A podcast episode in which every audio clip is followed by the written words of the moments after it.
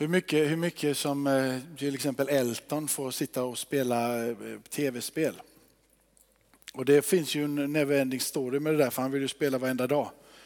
Eh, och då, då är det ju frågan, går det att säga till honom bara så här, sluta spela? Och det, det går ju inte. Han slutar inte spela. Så att han, han, han, han fastnar liksom, blicken blir sån här. Han kommer inte bort därifrån. Så det, det, man får göra då det är ju faktiskt att gå till honom och så säger kom så gör vi någonting tillsammans. Och det går ju mycket bättre. Så eh, nu igår så sa jag, du kan ju inte sitta där längre. Vad ska vi göra? Så vi går ut och går en promenad och så gick vi upp i skogen och så lekte vi kurragömma i skogen. Och det funkar, eller hur? va? Ja, det Mimmi säger här som eh, mormor och farmor är du. Bara farmor, att det går bra att göra så. Och, eh, och lite sådär är det ibland att, att man blir så fast i någonting så man hittar liksom ingen utväg. Och jag ville, liksom, Elton kan du inte leka med lego? Kan du inte gå ut? Kan du inte göra? Eh, och, och, och, ingenting funkar när jag säger gör detta, men göra någonting tillsammans så fungerar det.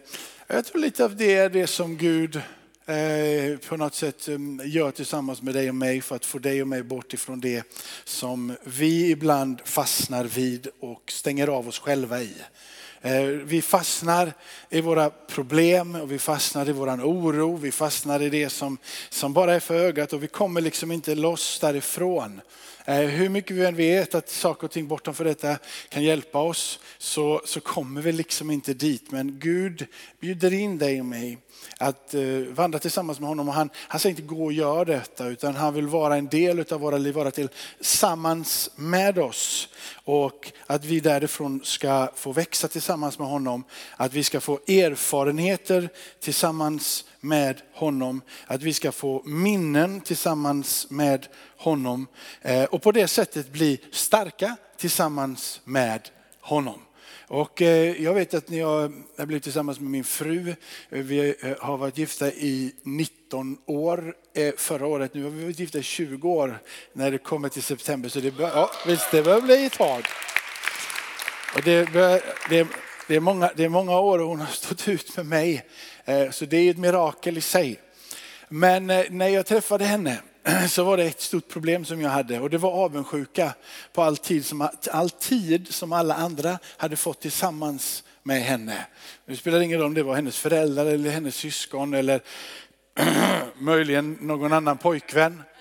Så, utan var, var bara allting som var, eh, det var bara avundsjuka för att jag ville ju haft den tiden.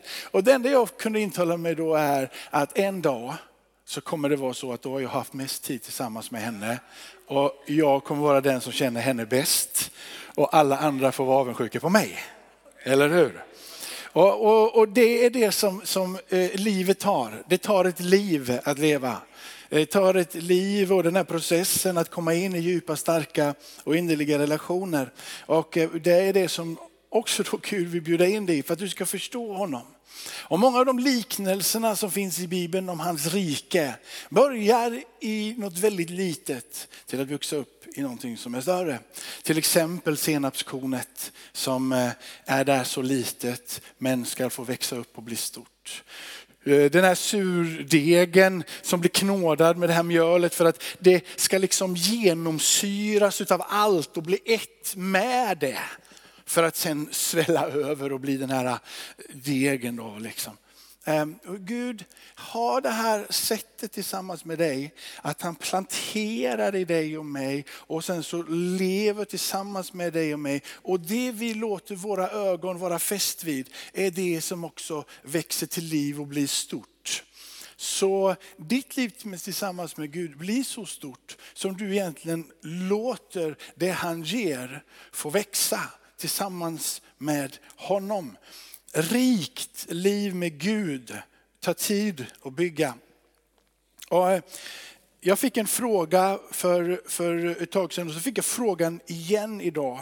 Eh, för jag började med den här bönen, eh, Fader vår, när jag tillsammans eh, var med eh, de nyfrälsta vännerna innan gudstjänsten, eller några har varit frälsta lite längre, men vi hade en klass. Vi läste Bibeln tillsammans och så började vi i Matteus kapitel 6.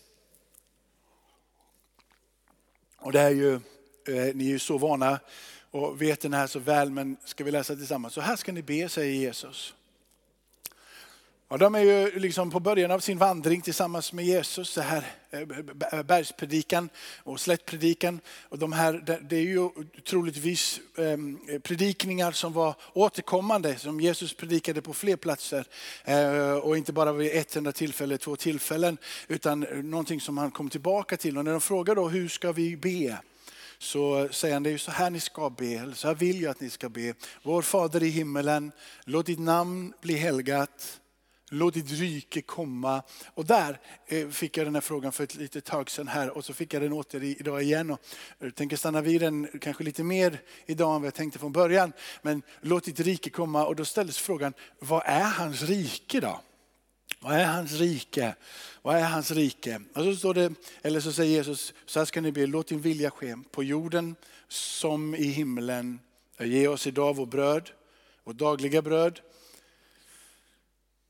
Och förlåt oss våra skulder så som vi förlåter dem som står i skuld till oss. Och för oss inte in i frestelse utan fräls oss ifrån det onda. Går du gärna till, tillbaka till, det, till, till texten som var där innan. Eh, så här ska ni be. Eh, det börjar ju väldigt enkelt men ack så vackert med att igenkänna att han är våran fader men han också är helig. Han är helgad, han eh, är majestätisk i sin natur, i sin karaktär. Är han upphöjd högt över alla och allt. Han eh, är i sin härlighet eh, ljuvlig att se på, ljuvlig att vara tillsammans med. En karaktär, om jag får säga det så, att bli förundrad utav, att bli hänförd utav. Han är inte likt någonting annat. Han är ursprunget till allt. Han är källan till allt. Och i honom finns allt. Men han säger också att han är våran far. Jesu fader och han är din och min fader. Han är inte bara höghelig och majestätisk. Jesus säger att han ber till våran far som vill vara dig nära och tillgänglig. Han som har omsorg om var och en av oss och vill komma dig närmare än någonting eller någon annan kan göra. Han vill att du ska veta direkt och han vill att du ska igenkänna i din bön att han är den som tar hand om dig och ser allt, vet allt och värnar om dig precis så som han sen undervisar att Fadern är. Så här ska ni be. Och sen så sätter han upp, jag har kategoriserat in det i sex olika delar. Så att om det första delen egentligen handlar det om att bara tala om vem han är. Att stanna av och stanna upp inför den, den, den väldige guden som är så nära och tillgänglig och vårdar och tar hand om dig. Så säger han, det här är det du ska be. Och så säger han, det första ni ska be, det är låt ditt rike komma. Låt Guds rike komma. Låt Faderns rike komma. Jag jag förundras över hur är det möjligt för dem att förstå? För uppenbarelsen om vad riket är ligger fortfarande i den förståelse som de har hämtat ifrån gamla testamentet. Till exempel ifrån Daniels bok kapitel 2, vers 44, där det står att när han kommer så ska han etablera ett evigt rike. Och judarna tror att det här riket är ett rike som ska bli befäst i Israel och kanske till och med spänna ut väldigt långt, stort och rikt. Ett fysiskt rike rike. Men det är inte det som Jesus säger, be att ditt rike ska komma. Jesus talar om ett andligt rike. Han talar ytterst sett om det fullkomliga riket, det vill säga den dagen då allting blir uppenbarat och vi ska vara tillsammans med Fadern i evighet. Det är han uttryck för, amen, det är han uttryck för i, i både kapitel 8 mot slutet, kapitel 8, eh, Lukas 13 är där, att då ska de till och med från öst och från väst, inte bara Israel, men från öst och från väst, sitta ner och äta tillsammans med Abraham, Jakob, Isak, Jakob och alla profeterna i himmelriket. Så när han först pratar om himmelriket så måste man förstå att det pratas om det eviga riket. Det riket som är bortanför den fysiska världen. Det är en plats förberedd för dig och mig, en ny himmel, en ny jord. Där konungarnas konung och herrarnas herre ska regera ifrån evighet till evighet. Och allt folket sa Amen. Det är därför som vi vill bli frälsta. För att vi tror att han dog, att han uppstod och han har plats för dig och mig tillsammans med sin fader. Så när vi pratar om riket så, det här kunde ju inte de förstå, eller hur? Hur ska de kunna förstå det? Men så här ska ni be. Ni ska be, låt ditt rike komma, låt hans rike komma. Det ska vara punkt nummer ett i era böner, trots att de inte förstår det. Och så säger han som nummer två, att be att hans vilja sker som det sker i himmelen på jorden. Hade de någon aning om vad som var Guds vilja? Förstod de Guds vilja? Hade de greppat Guds vilja? Knappast. Men de skulle be att Guds vilja skulle komma över dem, att Guds vilja skulle börja hända i deras närhet. Så innan du ens har förstått vad Guds rike är, så ska du be att Guds rike ska komma. Innan du ens har förstått vad Guds vilja är så ska du be att Guds vilja ska ske. Amen. Så det är liksom inga märkligheter för Jesus bjuder in i det. Det vore ju snarare konstigt om vi som hans folk säger att nej, jag tänker inte be att hans rike ska komma. Jag tänker inte be att hans vilja ska ske, för jag förstår det inte. När det var omöjligt för de första lärjungarna att förstå det, att greppa det, att leva. Vad är det? Vad betyder det? Vad innebär det? Och sen ber det. Och det ska komma. Och ni ska förstå det. Och så börjar Jesus senare, inte förklara det med ett, två, tre, utan han bjuder in i liknelser, berättelser som eh, talar om någonting som kan växa, någonting du kan bli en del utav, någonting som du kan faktiskt greppa, inte fullt ut, för det är ogreppbart. Men du kan förnimma, du kan förstå eller du kan ana vad det innebär och du kan börja leva i det och ta emot vad som finns att få. Sen ber han för att du ska förstå att han har omsorg, inte bara om andliga ting, himmelska ting som är bortanför ditt förstånd. Utan han vill tala om för dig att jag bryr mig om dig som person, jag bryr mig om dig som människa. Han säger, du kan till och med inte bara be om dessa stora saker, utan du kan be om dessa vanliga saker, bröd för dagen, det som är dig närmast, dina behov. Det här behöver jag i mitt liv. Det är som att Jesus låter det skjutas upp emot himmelen först för att se vem han är. Be om hans rike och hans vilja. Och sen säger han att den här höghelige, den här majestätiska guden, kom ihåg att han är din fader och han bryr dig om dig precis där du är. Du kan komma med vilka behov det än är och han är dig nära. Som nummer liksom fyra så går han in och säger att låt oss, förlåt oss våra skulder. En bön om förlåtelse.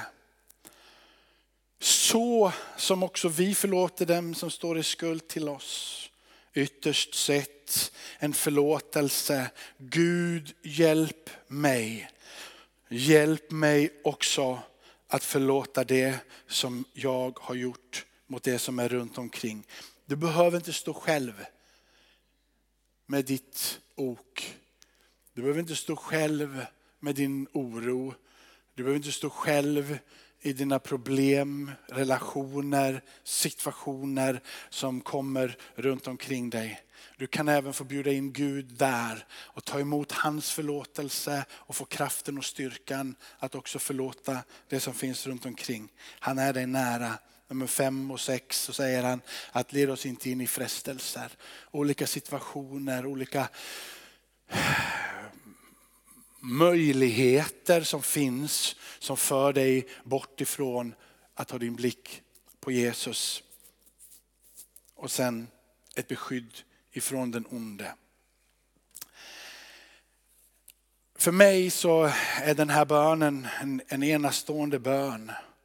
Att Gud själv genom sin son, han inkarnerad här, mänsklig, vandrande, låter dig och mig bli inbjuden till den majestätiske, helige, höge guden, den omtänksamme fadern, att komma dit genom bön och lovsång, lovprisning. Och att du och jag hela tiden får bli påminda i den här bönen att hans namn är heligt och hans namn bör äras. Amen. I det här så eh, går den här, vidare den här texten, eh, sen, och du kan slå upp den, den nästa text. Och jag skulle vilja stanna upp för det här med problem. Jag vet inte, för, för mig, jag, jag är... Jag, nej, jag, jag, oftast så har jag inte speciellt mycket problem, men om jag får ett problem så jag, jag får kämpa för att inte bygga bo där. Jag får kämpa för att inte, att inte, att inte vara där. Det är som att när någonting väl blir, blir en, liksom ett problem så har jag en tendens att bara stanna där. Det är som att jag slår det slår spinn i mitt huvud. Det är som att jag, jag, jag liksom, det går runt så att jag nästan blir yr, så att jag inte kan tänka. Så att jag behöver liksom stanna av mig själv. Och jag, oftast, I början så märker man inte när bekymren är så stora, eh, för de finns ju hela tiden och man lyckas ha blicken fäst på Jesus. Men till slut så bara, det bara snurrar. Det snurrar, snurrar, snurrar, snurrar, snurrar, snurrar, snurrar. Och det snurrar så mycket så att till slut så vet man, har du provat att snurra? Ja, du har provat att snurra. Och när du snurrar så blir du helt dyr, speciellt man springer den här, vad är det den heter? man snurrar runt en kon. Vad heter det? Ja, man pinnen ja. Man springer runt den här pinnen. Och god morgon julafton. Norsk julafton. Norskarna. Har vi några norrmän här? Eh, norsk julafton, ja men vilket fall som helst, du snurrar så mycket så det spelar ingen roll. Alltså, du ska dit, du vet att du ska dit och du vet att där är lösningen och där är målet och det är där du vinner men du går ju alla möjliga olika håll. Och du ramlar. Ja, jag har en tendens att, att gå i spinn. Eller gå upp i det när det är någonting som blir. Eh, så jag behöver, jag behöver bryta med det där. Det var det, var det som jag var inledningen. Jag behöver bryta med, jag behöver göra någonting, jag behöver gå ut med Elton i skogen, få bort han ifrån liksom, tv-spelsvärlden. Eller bryta med det där. Men det ljuvliga är att när man lär sig att göra det här tillsammans med Gud, så får du med en erfarenhet tillsammans med honom som gör att någonting på din insida tillsammans med honom växer till liv och frodas. Så att när du går igenom det vid andra tillfällen har någonting att luta dig tillbaka emot. Och står där tillsammans med Gud och din erfarenhet som gör att du blir mogen för att ta nästa snurr, vad det nu må vara för någonting. Och ehm, de här, hur bryter man med det? Hur fastnar man inte i det? Och hur tar man sig därifrån? Jag tycker det finns en fin lösning i den här texten. Och du som är van att läsa Bibeln har säkert läst det här många gånger. Vi läser. Ingen kan känna två herrar. Antingen kommer han att hata den ene eller älska den andra. Eller hålla fast vid den ene och förakta den andra. Vi kan inte tjäna både Gud och mammon. Därför säger jag er, bekymra er inte för ert liv. Det Nej, så jag försöker. Är, ni, är, ni, är det lätt? Bekymra er inte för ert liv. Bekymra er inte för ert liv. Pengar eller barn. Nej, det, det är liksom... Bara att det står där är ju ett bekymmer. Bekymra er inte för ert liv. Jesus säger bekymra er inte för ert liv. I kontrast då till vad, får ju bli frågan.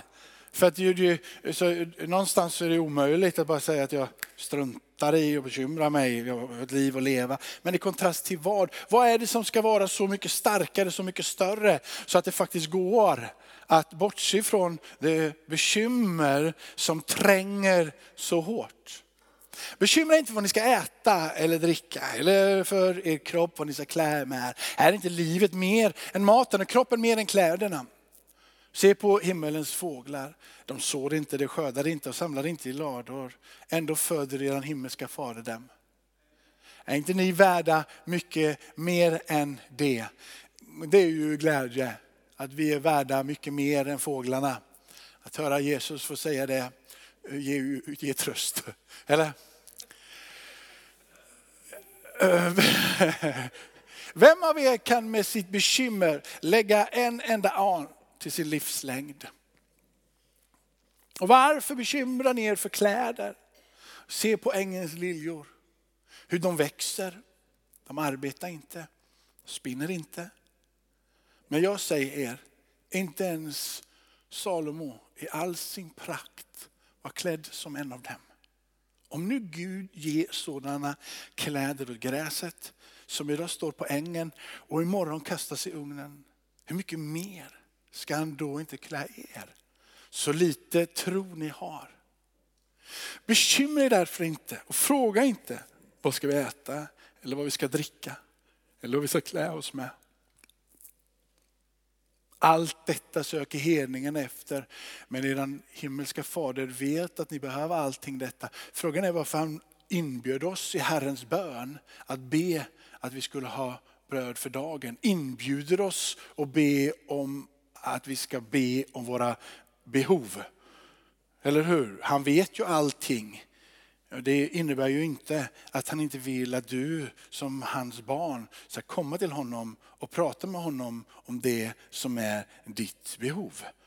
Det ena bortser inte från det andra. De fungerar perfekt tillsammans. Han vet, men han inbjuder dig att be för att du ska förstå att han bryr dig om dig precis så här mycket. Gud är stor. Vers 33. Och så står det, nej, Sök först Guds rike och hans rättfärdighet. Ska, ska ni få det andra också. Bekymra inte för morgondagen, för morgondagen bär sitt eget bekymmer. Var dag har någon med sin egen plåga. Men jag fastnade då vid vers 33.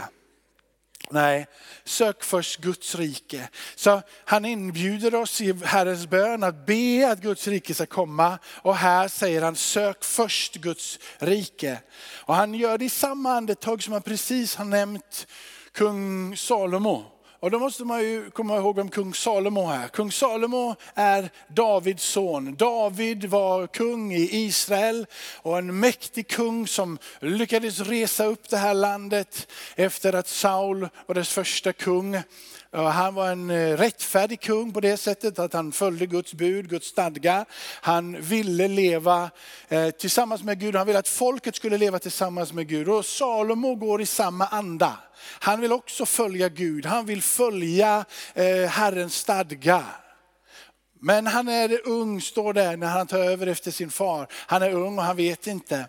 Och han eh, får en uppenbarelse, han möter Gud i en dröm. Gud kommer till honom och i den här drömmen, ska vi slå upp i första Konungaboken kapitel 3.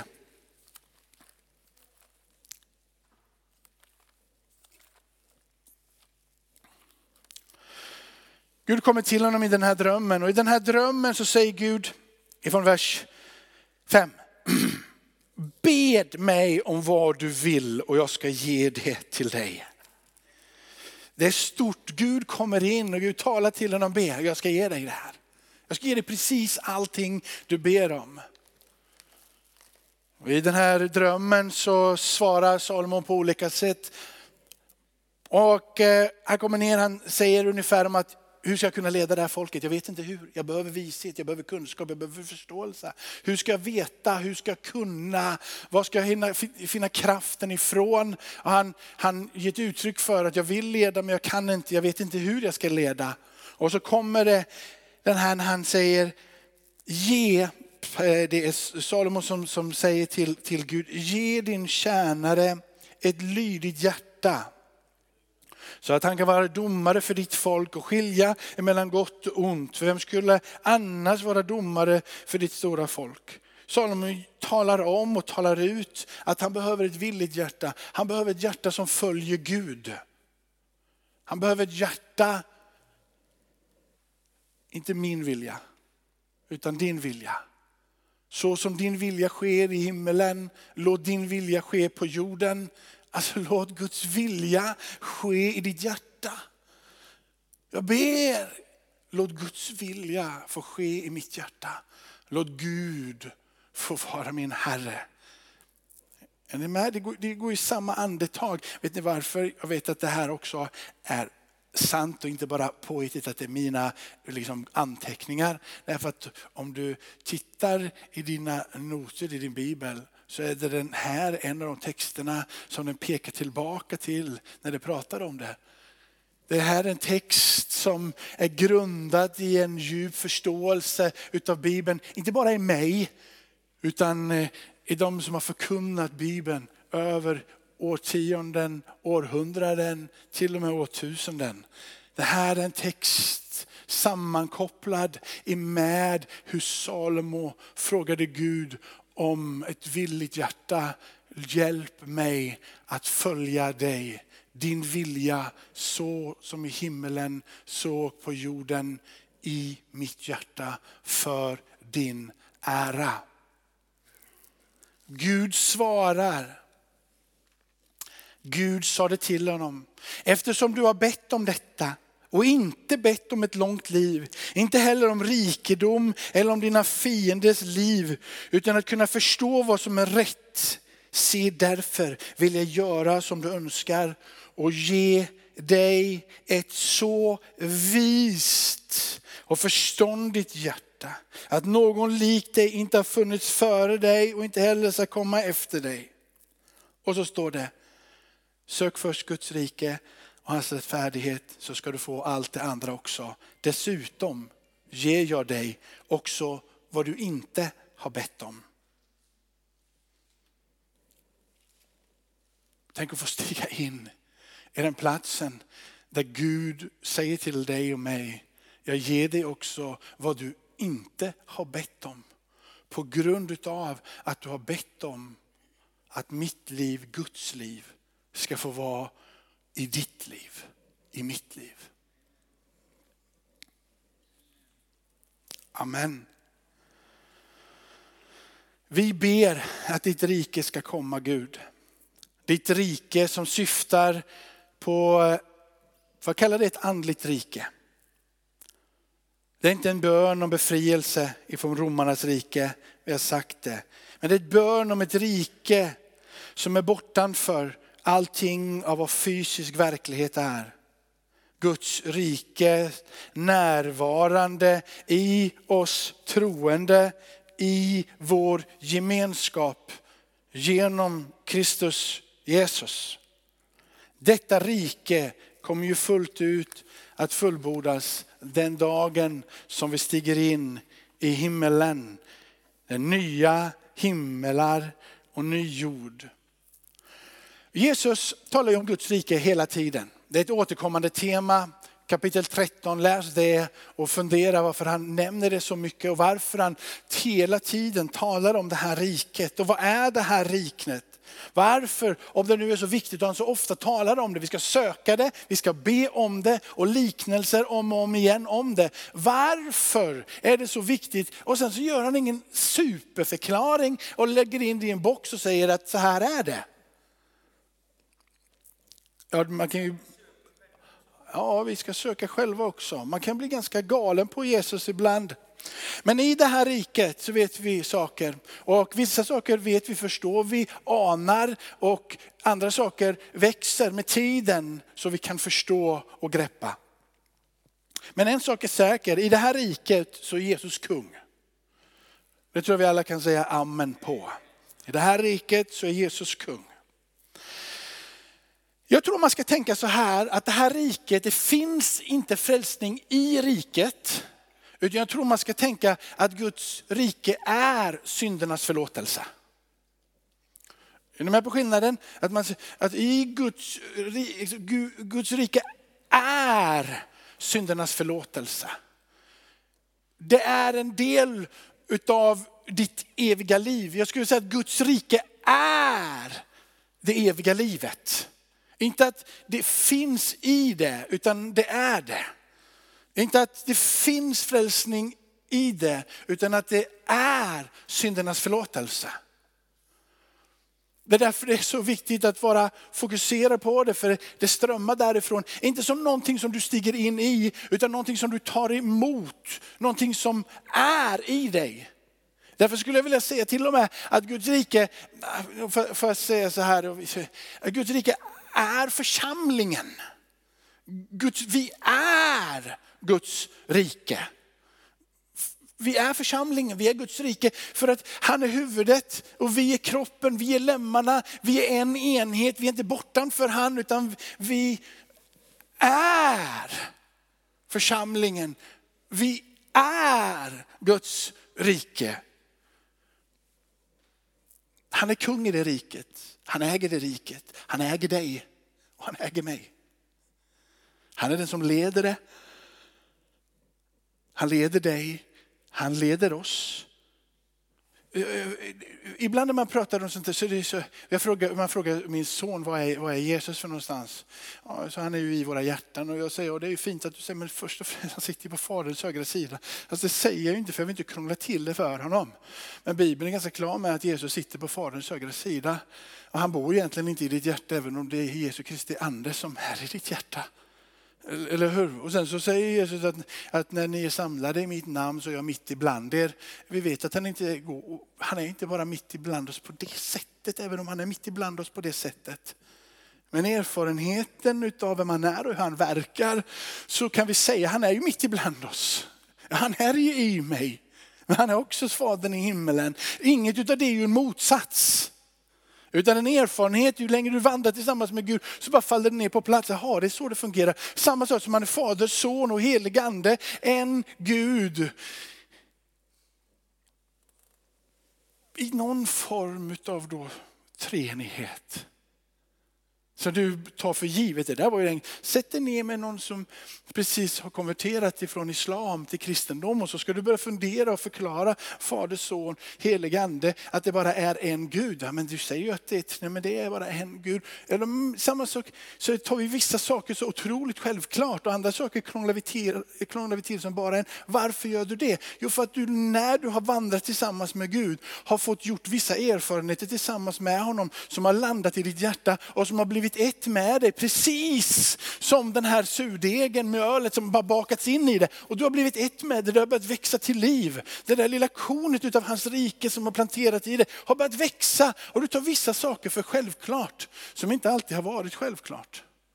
Till exempel när lärjungarna i början ber, låt ditt rike komma. Jag tror de tänkte ett rike här i Israel. Vet du om frågan sen Kenny? Är ni med på vad jag är ute efter?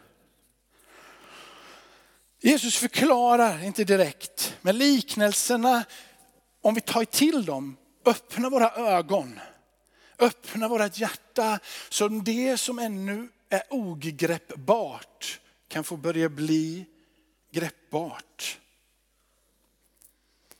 Jag vet någon gång när man har pratat, man har hört någon förkunna och så vidare. Och säger man, jag, jag, jag är med vad han säger men jag är inte riktigt med, jag förstår inte riktigt. Men det låter väldigt mycket som Jesus.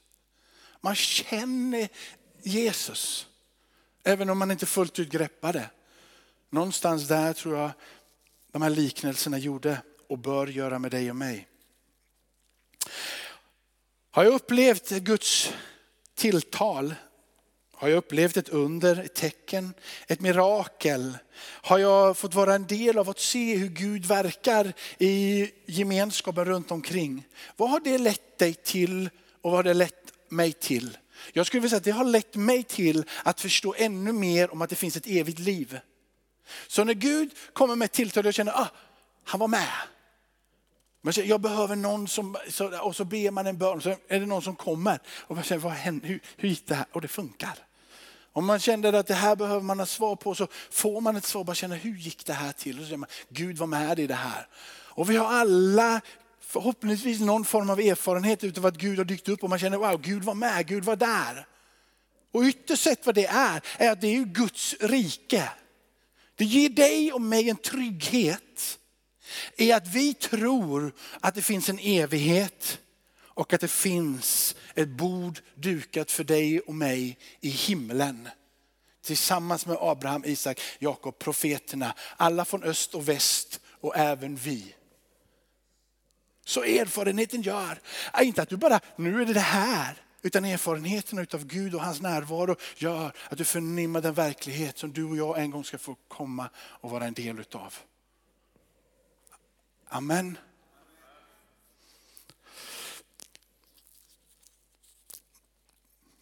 Så Guds rike är osynligt för ögat, men Guds rike är mitt ibland oss. Guds rike är någonting vi ber om ska komma.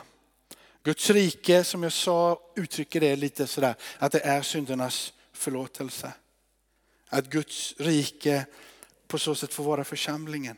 Att Guds rike gör att vi blir ett med han som huvudet. Och ytterst sett så blir då Guds rike först och främst ditt och mitt eviga liv tillsammans med Fadern för alltid. Amen. Amen. Ska vi be en bön och så förbereder vi oss för nattvarden.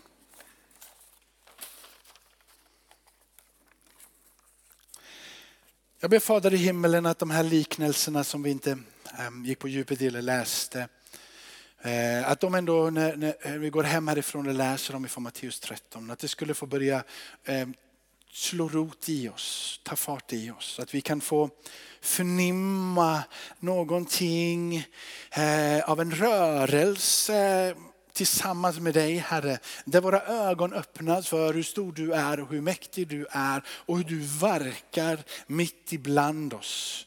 Osynligt men ändå märkbart Herre. Jag ber från djupet av mitt hjärta. Låt erfarenheten utifrån nattvarden, lovsången, förbönerna på slutet gör att vi växer tillsammans med dig Herre. Att vi blir mer frimodiga tillsammans med dig, att vi blir mer hängivna tillsammans med dig. Att vi säger ske din vilja i mitt hjärta. Att vi får söka Guds rike först och så ta emot allt det andra också.